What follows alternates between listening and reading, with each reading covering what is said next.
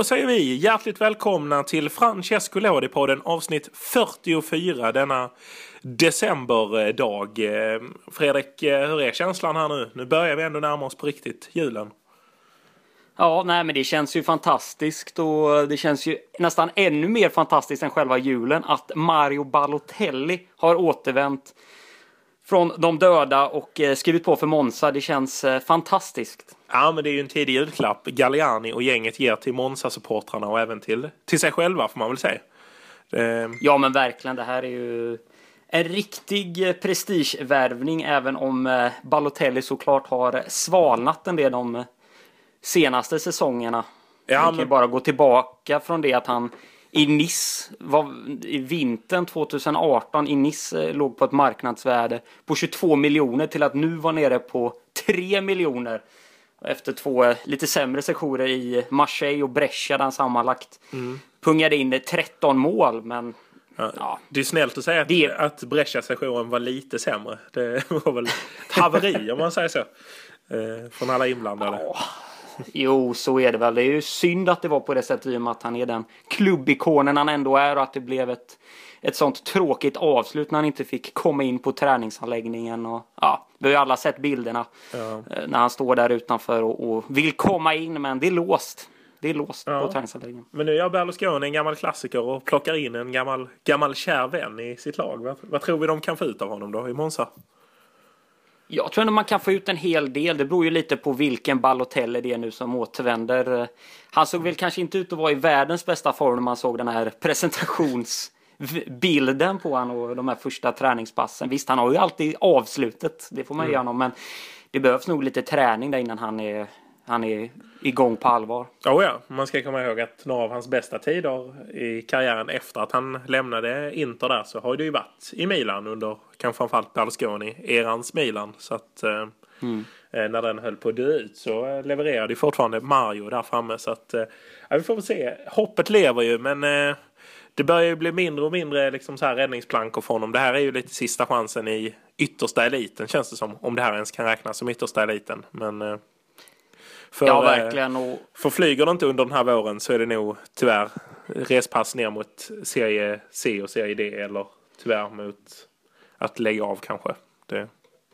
Ja, jo men så är det väl och, och det här projektet som Monza håller på med här nu, den här storsatsningen, den behöver nog bära frukt för alla inblandade för att det här inte ska bli ett riktigt haveri även för spelarna som är involverade. Jag tänker bland annat på Boateng och även Balotelli sådär, men vi får se om det blir eh, hur det här kommer gå. Det kan ju gå lite hur som helst. Just nu ligger ju Monza på en sjunde plats i tabellen med 20 poäng och så. Men det hade ju varit fint till exempel om Palermo tog klivet upp eller ja, om Ballo valde att spela i i eh, Serie C och återvända till sin, eh, till sin hemklubb på det sättet också. Där är i alla fall födelseort. Ja, jo, absolut. Ja. Ja, samtidigt är det lite sorgligt för hans karriär kanske då den var, eftersom han är så pass ung än så länge. Det är väl, eh, eller ung, men han är väl hyfsat ung fortfarande. Kevin Prince ja. känns ju mer som att han är mer en skön lirare man vill se ihop med Lodi och mm. gänget liksom i, i, på ett eh, mittfält i, nere i CIC. Men äh, intressant Nej, men med Monza. Det känns ju också lite som Även om det är deras första säsong att det är lite nu eller aldrig de ska gå upp för att ägarna blir ju inte yngre. Liksom. Det...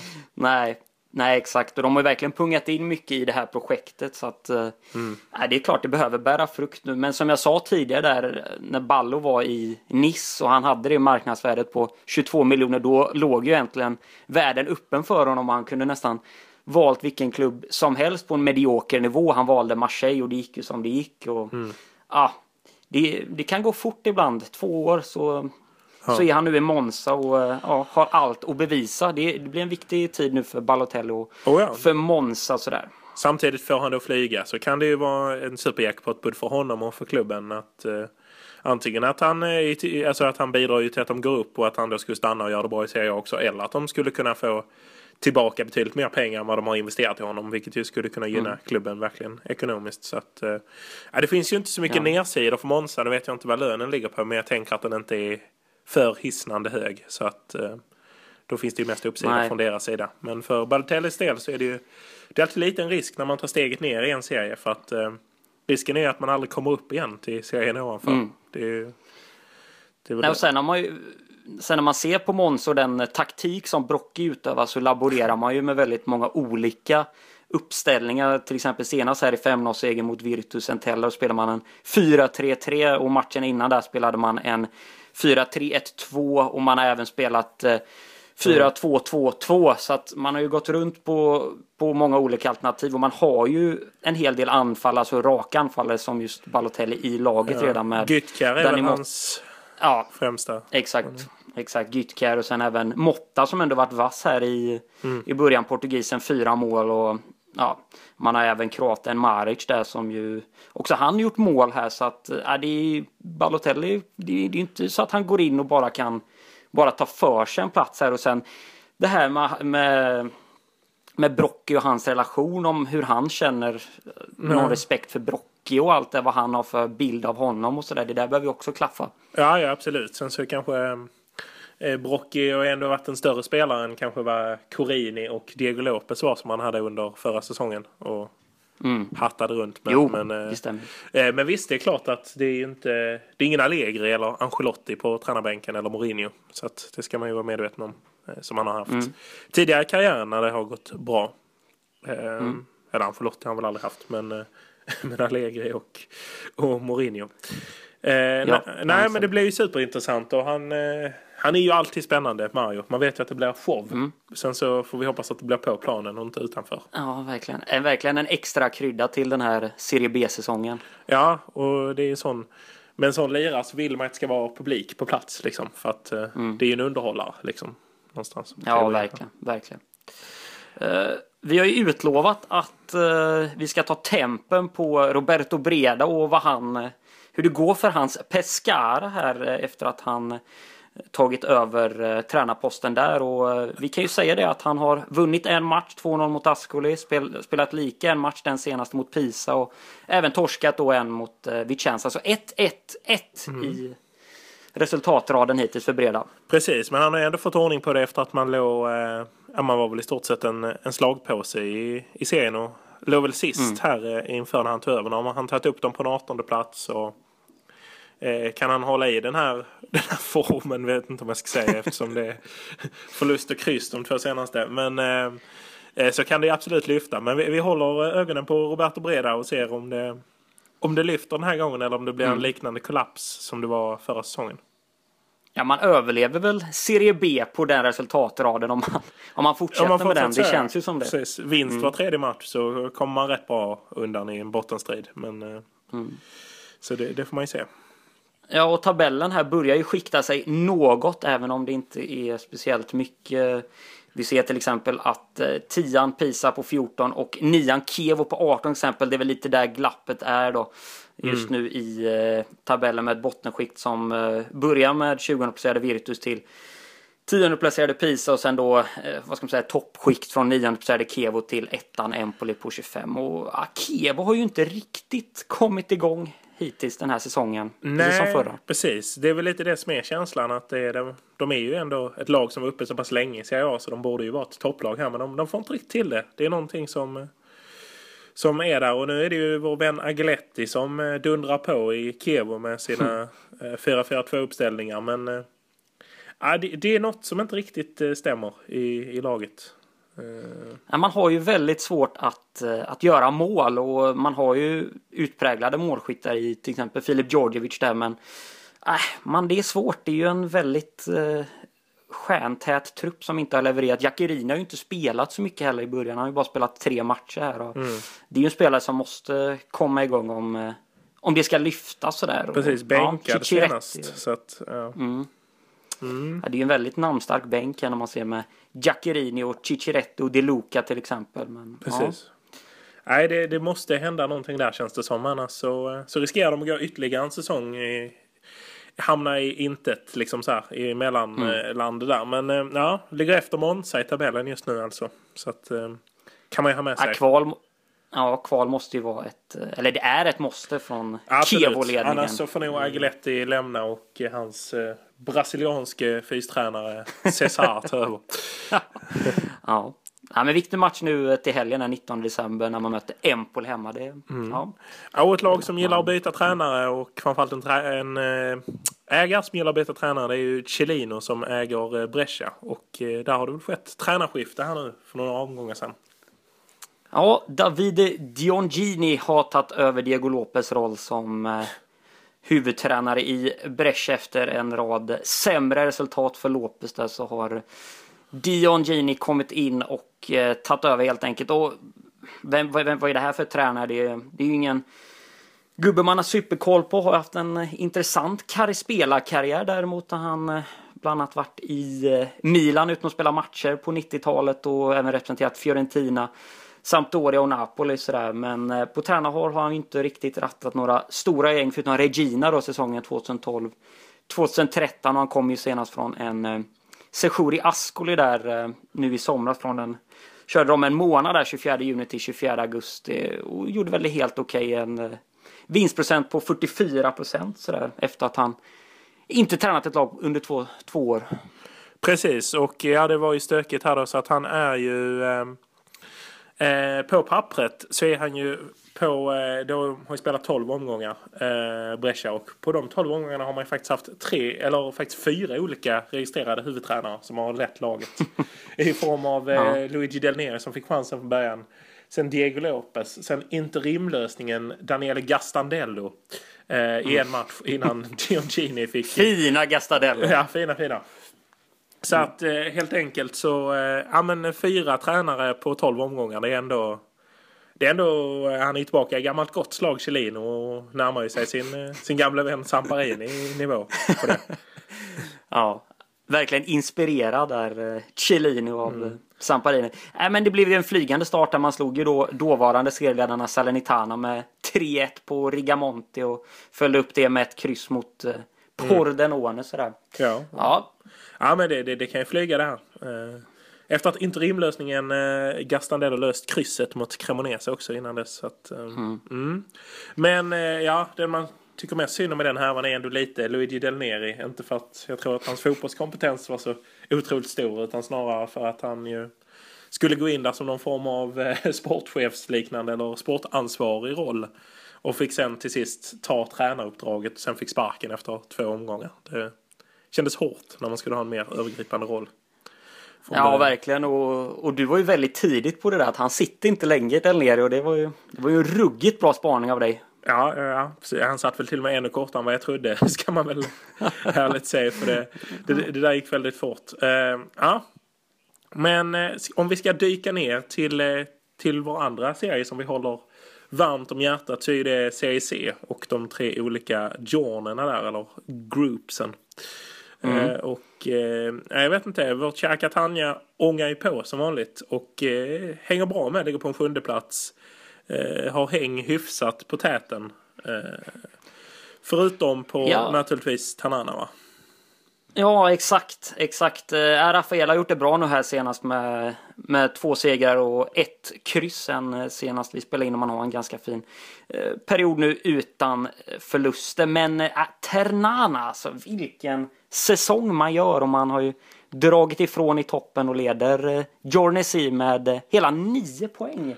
Ja. För... Bara en sån sak, herregud. Precis, det ska man väl säga att tvåan bara spelat en match mindre. Men ändå så är det ju väldigt imponerande. Och det är ju, eh, ja. som vi har snackat om innan, Cristiano Lucarelli bakom spakarna som eh, styr Ternana. Mm. Som ju eh, tränade Catania under stora delar av försäsongen. Mm. Eh, det... Ja, nej men eh, Lucarelli har ju verkligen hittat rätt här i Umbrien och på Stadio Libro Liberati.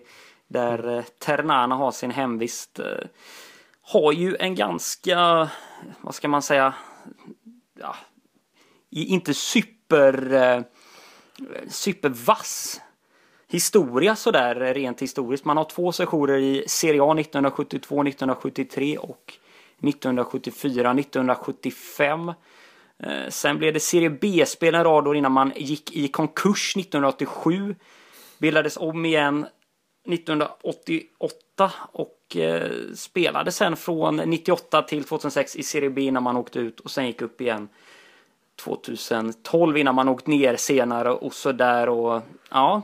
ja. En intressant grej där är ju att den stora ultrasgruppen där heter ju Freak Brothers.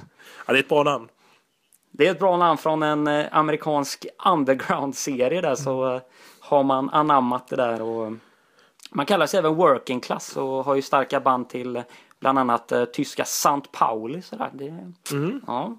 Ja, men då vet vi även lite deras ideologiska hemvist där. Eh, någons ideologiska, eh, deras eh, stjärnanfallare Anthony Partiplio här har vi ingen, vi vet inte hans ideologiska hemvist. Men vi vet att han spelar i Tanana åtminstone. Och han ligger tvåa i skytteligan för hela CEC om man räknar in alla grupperna. Ett mål bakom eh, den fenomenala eh, Cecena-spelaren Mattia Bartoluzzi. Bart, men, eh, inte ba, ursäkta avslutet här på hans. Eh, Bartolucci. Bartoluzzi, absolut. Eh, Men eh, eh, parti... Ursäkta uttalet här, det blir riktigt svag, eh, svag radio. Parti, par, partipilo. Partipilo, tack. Hejdå. Det är just hans förnamn Anthony som eh, förstör allt. Det är, ju, det är ju faktiskt det. Partiplio. Och han har ju, eh, ja, men han har ju dunkat dit nio bollar så här långt på, eh, på 14 omgångar, vilket ju är otroligt starkt. Ehm, Gammal Bari-talang där. Precis, eh, född i Bari, tillhörde Bari mellan eh, 2000, ja först hela hans ungdomskarriär, men mellan 2012 och 2016. Hade många spännande utlåningar där. Han är ju idag 26 år gammal denna An- Anthony. Han var ju i eh, Carrarese 2013, gjorde endast två framträdande. Cosenza var han på lån i sen 2014, 10 framträdande. Eh, Noll mål alla de här gångerna. Sen så var det dags för eh, utlåning till Savoia. Och där blev det 15 framträdande, ett mål. Sen kom en spännande, väldigt spännande utlåning till Cluj, den gamla klassiska klubben. Eh, Som hade ett litet Italien-fokus där ett tag. precis, den rumänska klubben. Precis, jag vet inte om det var exakt samma sång men de var ju även och eh, pillade på gamla Atalanta-talanger som Giuseppe De Luca och liknande. Men i Cluj spenderade han en hel säsong utan att göra ett enda framträdande. Så att, eh, ja, för säsongen 2016 så har han ju i sin seniorkarriär vad det gäller ligamatcher ja, men, gjort under 30 matcher i stort sett. Eh, så det är ju intressant och 2016 så är han ju ändå 22 år gammal. Men eh, då var det dags att blomma ut i eh, det härliga laget eh, Bicelje. Eh, och, Bichelle. ja, ingen storklubb om man säger så. Men det är ett CC-lag. Eh, innan han sen tog steget till Virtus Francavilla där han mellan 2018 och 2019 eh, gjorde 49 matcher och gjorde 16 mål. Innan han flyttade till Tanana inför eh, försäsongen och nu gör han alltså dundersuccé här i Serie B. Som vi brukar säga, de här gamla anfallarna som mognar lite senare.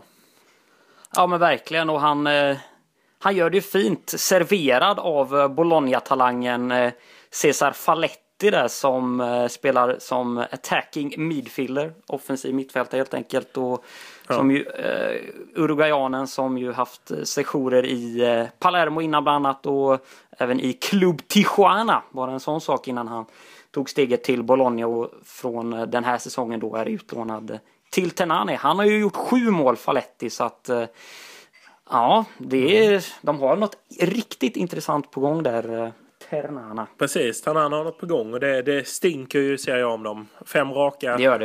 eh, Serie. B ska sägas. Serie B, ja absolut. Ja, vi ska inte förhasta oss här. eh, Men, men visst, med Lucarelli vid rodret så. Men, eh, Han, är- när, när Lucarelli ångar på då är det svårt att stoppa det tåget. precis, man kan väl säga så här. För Tanana så kanske det är Serie B, men för Lucarelli så stinker det i Serie A. Om man säger så. Mm, jo, så Så är det. skulle han Absolut. lyfta Tanana med de här eh, siffrorna och det fortsätter så här. De har alltså 12 segrar och 3 oavgjorda så här långt. Kan Mm. han slakta CEC på det sättet kan han nog få, få antingen om Tanana satsar eller om få ett riktigt bra Serie B-lag och då kan han ju vips vaps vara tillbaka i, uppe i finrummet Mm. i Serie A. Ja. ja, och en eh, tidigare ikon i klubben är ju den eh, fine som vi ofta tar upp här eh, i Lådepodden, Fabrizio Miccoli. Just det. Ja, vad gör Miccoli då? Han har ju ruggigt dålig koll på vad han har gjort efter karriären. Nej, det var ju eh, halvt maffiakopplad härva när han lämnade Palermo ju. Var ju på Malta innan han la av. Eh, eh, stökiga. Malta-sessionen. Eh, efter han var hemma i Lecce och avslutade. Elva matcher där för, ja nu får man ju verkligen ursäkta uttalet här, Birkirkara. Ja, just det. Ja, Eh, elva matcher, sex mål. ja, stabil framför kassen ju. Men spelade fyra säsonger i Ternana från säsongen 98 till 2002. 32 baljer på 120 matcher. Så att, ja, ja. många ligamatcher där. Och sen så minns vi alla honom från han fina sju år. Där han ju spelat för stora klubbar som... Eh, jag menar, han tillhörde ju Juventus mellan åren 2002 och 2004. Och spelade sedan i Fiorentina tillbaka till Juventus och Benfica, Benfica. Ju, och så Palermo mm. där han ju naturligtvis hade skördat sina största framgångar. Mm. Även fall hans Exakt. landslagskarriär utspelade sig under Juventusåren. Just det, just mm. det. Ja, nej men eh, vi får hålla ett öga på eh, Ternana här i fortsättningen. Och Mikkoli för den Mikkoli, delen. ja precis. Jag kan säga att han, jag har sett han på Instagram fladdra förbi. Det är mycket svaga compilations av hans egna mål som han lägger upp. Och så försöker han tagga in eh, Luca Toni och Quagliarella och gänget. Den här gamla gardet. Det, de är stökar ja. runt där alltid. Ja. ja, men kan ju flika in att även Brescia har ju också gjort en liten kovändning nu på sociala medier och eh, börjat publicera ah, mer bilder på lejon och liknande. Man har ju ett lejon i eh, klubbemblemet sådär och ja, har mm. också gjort om en del där. Inte för att Mikkolo kanske gjort om så mycket men ah, mm. sociala medier i alla fall. ja men precis, sociala medier är ju alltid spännande. Greppa halmstrån här. Precis, ja, ja Fabricio kanske inte, det är inte så stor rebranding. Eh, men Nej. en som har tagit till sociala medier om vi ska avsluta uppe i den högsta serien i Serie A är ju, eh, är ju argentinaren eh, Papo Gomes som väl har sagt att sanningen kommer komma fram när jag lämnar. Mm. Och ja, mm. vet inte om du vill redogöra kort för soppan i Atalanta? Nej, men allt bröt väl ut under eh, Champions League-matchen mot Ajax i halvtid där eh, Gasperini ska ha, efter ett bråk då med Papo Gomez, sagt upp sig på plats. Ja, just det. Fina men uppsägningen på plats. Man gillar ju den ja, typen av uppsägningar. Det känns nästan lite divigt av Gasperini där. Han, han säger ju inte upp sig på plats utan det är väl något form av Hot. Av något form av hot, ja exakt. Som Kim Bergstrand gjorde i Djurgården när eh, Astrid Ajdarevic, han ville bli av med honom. Antingen så lämnar jag eller så lämnar Ajdarevic. Lite samma ja. känsla på GASP. Fast, eh... Ja, verkligen, verkligen. Och då ska ju klubbpresidenten i Atalanta verkligen eh, ja, bönat och bett för att Gasperini ska vara kvar och i och med att det uppstått en schism mellan Gasperini och, och Papo Gomez så blir man ju tvungen att välja mellan en av, då, en av de två då och eh, där ska valet ha fallit på Gasperini sådär så att eh, ja. Ah, det blir ju ruggigt spännande att se vilka lag som, vilket lag som kan eh, plocka Gomes här. Det är ju en del intressenter inblandade där. Ja, ja. Roma, Inter, Milan ska vi inte säga. Han ska också, man vill ju också, som jag förstått det, skeppa iväg honom så fort det bara går för en väldigt låg prislapp. 7-8 miljoner euro. Ja, det känns ju märkligt också. Alltså, visst, man vill väl kanske vara schyssta mot honom, men uh, jag tänker att de har ju ändå den gamla, Kevers gamla sportchef som ju har byggt det här laget och varit, känns som en väldigt smart och strategisk sportchef. Så det känns ju lustigt om man börjar skänka iväg den här typen av spelare. Uh, mm. Men visst, det är klart, när Nej, det sker liksom- en sån här eh, konflikt inför öppen ridå så är det ju svårt att Svårt att eh, få några jättesummor naturligtvis. Men eh, intressant. Eh, Inter kan ju vara en intressant grej men det känns ju som att de måste bli av med, med sin, eh, sitt jäckande problem i form av Christian Eriksen. Liksom, först. Ja, exakt. Jo, absolut. Han skulle verkligen kunna gå in och fylla en roll i Inter. Samtidigt har man ett ganska överbefolkat innermittfält. Jag tror att han skulle ju, om man till exempel valde att gå till Roma så skulle han ju kunna bli en riktigt stor stjärna i det laget. Oh ja. Så det skulle nog kunna vara ett vasst val också. Precis, vad har de men, men jag tror vi... Pedro, eh, Papo, Pedro, Papo ja. och Dzeko. Seko. Ja. ja, precis. Nej, men jag tror vilket lag han än går till så kommer han få en, eh, en betydande roll för det laget. Svårt så att han bara skulle mm. ja, få en anonym tillvaro sådär eh, där han nu, dit han går helt enkelt. Mm, känns lite sorgligt slut dock på det. Alltså med tanke på oh, hur stor han var. Ja, men, sen undrar man ju, det här kan ju inte bara blossat upp under den här matchen i Amsterdam utan det här måste ju varit ett problem som har pågått länge och oh, allt har ju verkat väldigt frid och fröjd i, i, på, i Bergamo och sådär men ja. ja. det kanske har varit en hel del bakom ridån. Vi såg ju Ilicic till exempel i Sommaren, det har ju såklart kanske inte med det här att göra men... Nej, ah. det var inte beordrat av Gasperini att det skulle bli stökigheter på hemmaplan i Slovenien. Nej. Nej. Det är fint att ändå att det, det ska ju vara Ilicic som har klivit emellan där i bråket. Ja, precis. Ja, fina, fina Josip. Mm. Fina Josip. Ja, nej, men mm, det kanske börjar börjar, börjar sig röra om lite i grytan där i Bergamo. Precis, efter- blåser upp till storm. Eh, nu ska vi säga Mm. att det här avsnittet släpps väl på torsdagen men vi spelar in det på onsdagen så vi vet Mm. ju inte hur det har slutat mellan eh, Juventus och eh, Atalanta under eh, onsdagen ska vi säga. När en, sak säker är att, ja, en sak är säker att uh, Gomes spelar ju inte den matchen. Nej, nej, det hade varit spännande om han gjorde det. Ja, göra pu- självmål eller liknande. ah, ah, det är sorgligt är det. Det är sorgligt är det. Ja. Eh, på en lite roligare not då så kan vi säga att eh, den gamla Inter-hjälten Maicon är tillbaka i Italien och i Serie D-klubben Zona Calcio. Just det, otroligt stort. eh, kul. Ja. Precis, och då tänker ni vad, vad har han gjort på sistone? Ja, har lirat lite fotboll lite här och var kan man tänka sig. Men mm. eh, Maicon framförallt väl känd som du sa här för sin eh, sejour i Inter där han ju skördade sina största framgångar. Och eh, även brasiliansk landslagsman ju. Eh, med eh, ett par mästerskap bakom sig. Eh, Gick ju ut för efter det får man ju ändå säga att eh, sessionerna i City och Roma där det var ju... Ah, Jag ska aldrig säga att jag nästan vass. hade glömt Roma session men han gjorde ju ändå nästan 60 matcher. Men äh, det Mm. var ju betydligt mer anonym. Ja. Ehm, men eh, Inter session var ju väldigt snygg och trevlig att se. beskåda. Ja, men verkligen. Men, eh, hon är legendar Nej. naturligtvis. Men han har väl spelat Ja, men en- ena vägen fram till nu i stort sett. Ja, han har ju spelat i lite lägre divisioner i Brasilien innan han nu återvände till Italien och eh, Zona Calcio som sagt. Eh, ja, väl, kul att en sån profilspelare kommer till Serie D. Vi har ju sett det eh, den senaste tiden att det har ju blivit väldigt profilstarkt i de lägre serierna i Italien och nu eh, rullar även Maicon in här. Ja, I, så att, ja. otroligt. Eh, vi ska väl säga så att han skriver på för samma klubb samtidigt som hans son också får kontrakt med denna klubben. Eh, kan ju ha någonting med det att göra. En sån här Donnarumma-affär. Eh, precis. Sonen får då alltså kontrakt med ungdomslaget medan eh, Douglas Maicon ska in och försöka få ordning på, på A-laget här. Eh, Just det. det var också kul så att de förtydligade när de hade värvat honom att eh, han är ju tyvärr inte spelklar från första januari. Nej, det är ju, transfönstret öppnar ju inte förrän då. Så det hade varit väldigt märkligt om han var spelklar innan dess. Men, eh, ja. Serie D, man vet, man vet aldrig Nej, vilka man vet riktlinjer de aldrig. går efter. Men eh, Ska jag säga det så kan jag bara flika in att Zona Calcio ligger på en sjätte plats i Serie D Jorneby. Det är inte mark vi brukar ta tag i den här podden men nej, det är eh, lite för långt ner även för oss. Men, eh, de, de har häng på eh, kvalplatser där till eh, Serie C. ja, och det blir ju väldigt spännande att se, se vad de hittar på där nu när de har fått Kör in- man Maicon lite offensivare kanske i det laget då så att han får Ja, verkligen... eh, Trycker upp han på topp sådär för att få lite Ja. eh, effekt på grejerna. När de ändå har pungat ut pengar för honom. Ja, borde de väl nästan göra. Ja, ja verkligen. Får se vad coach Tomasoni säger om det. Precis.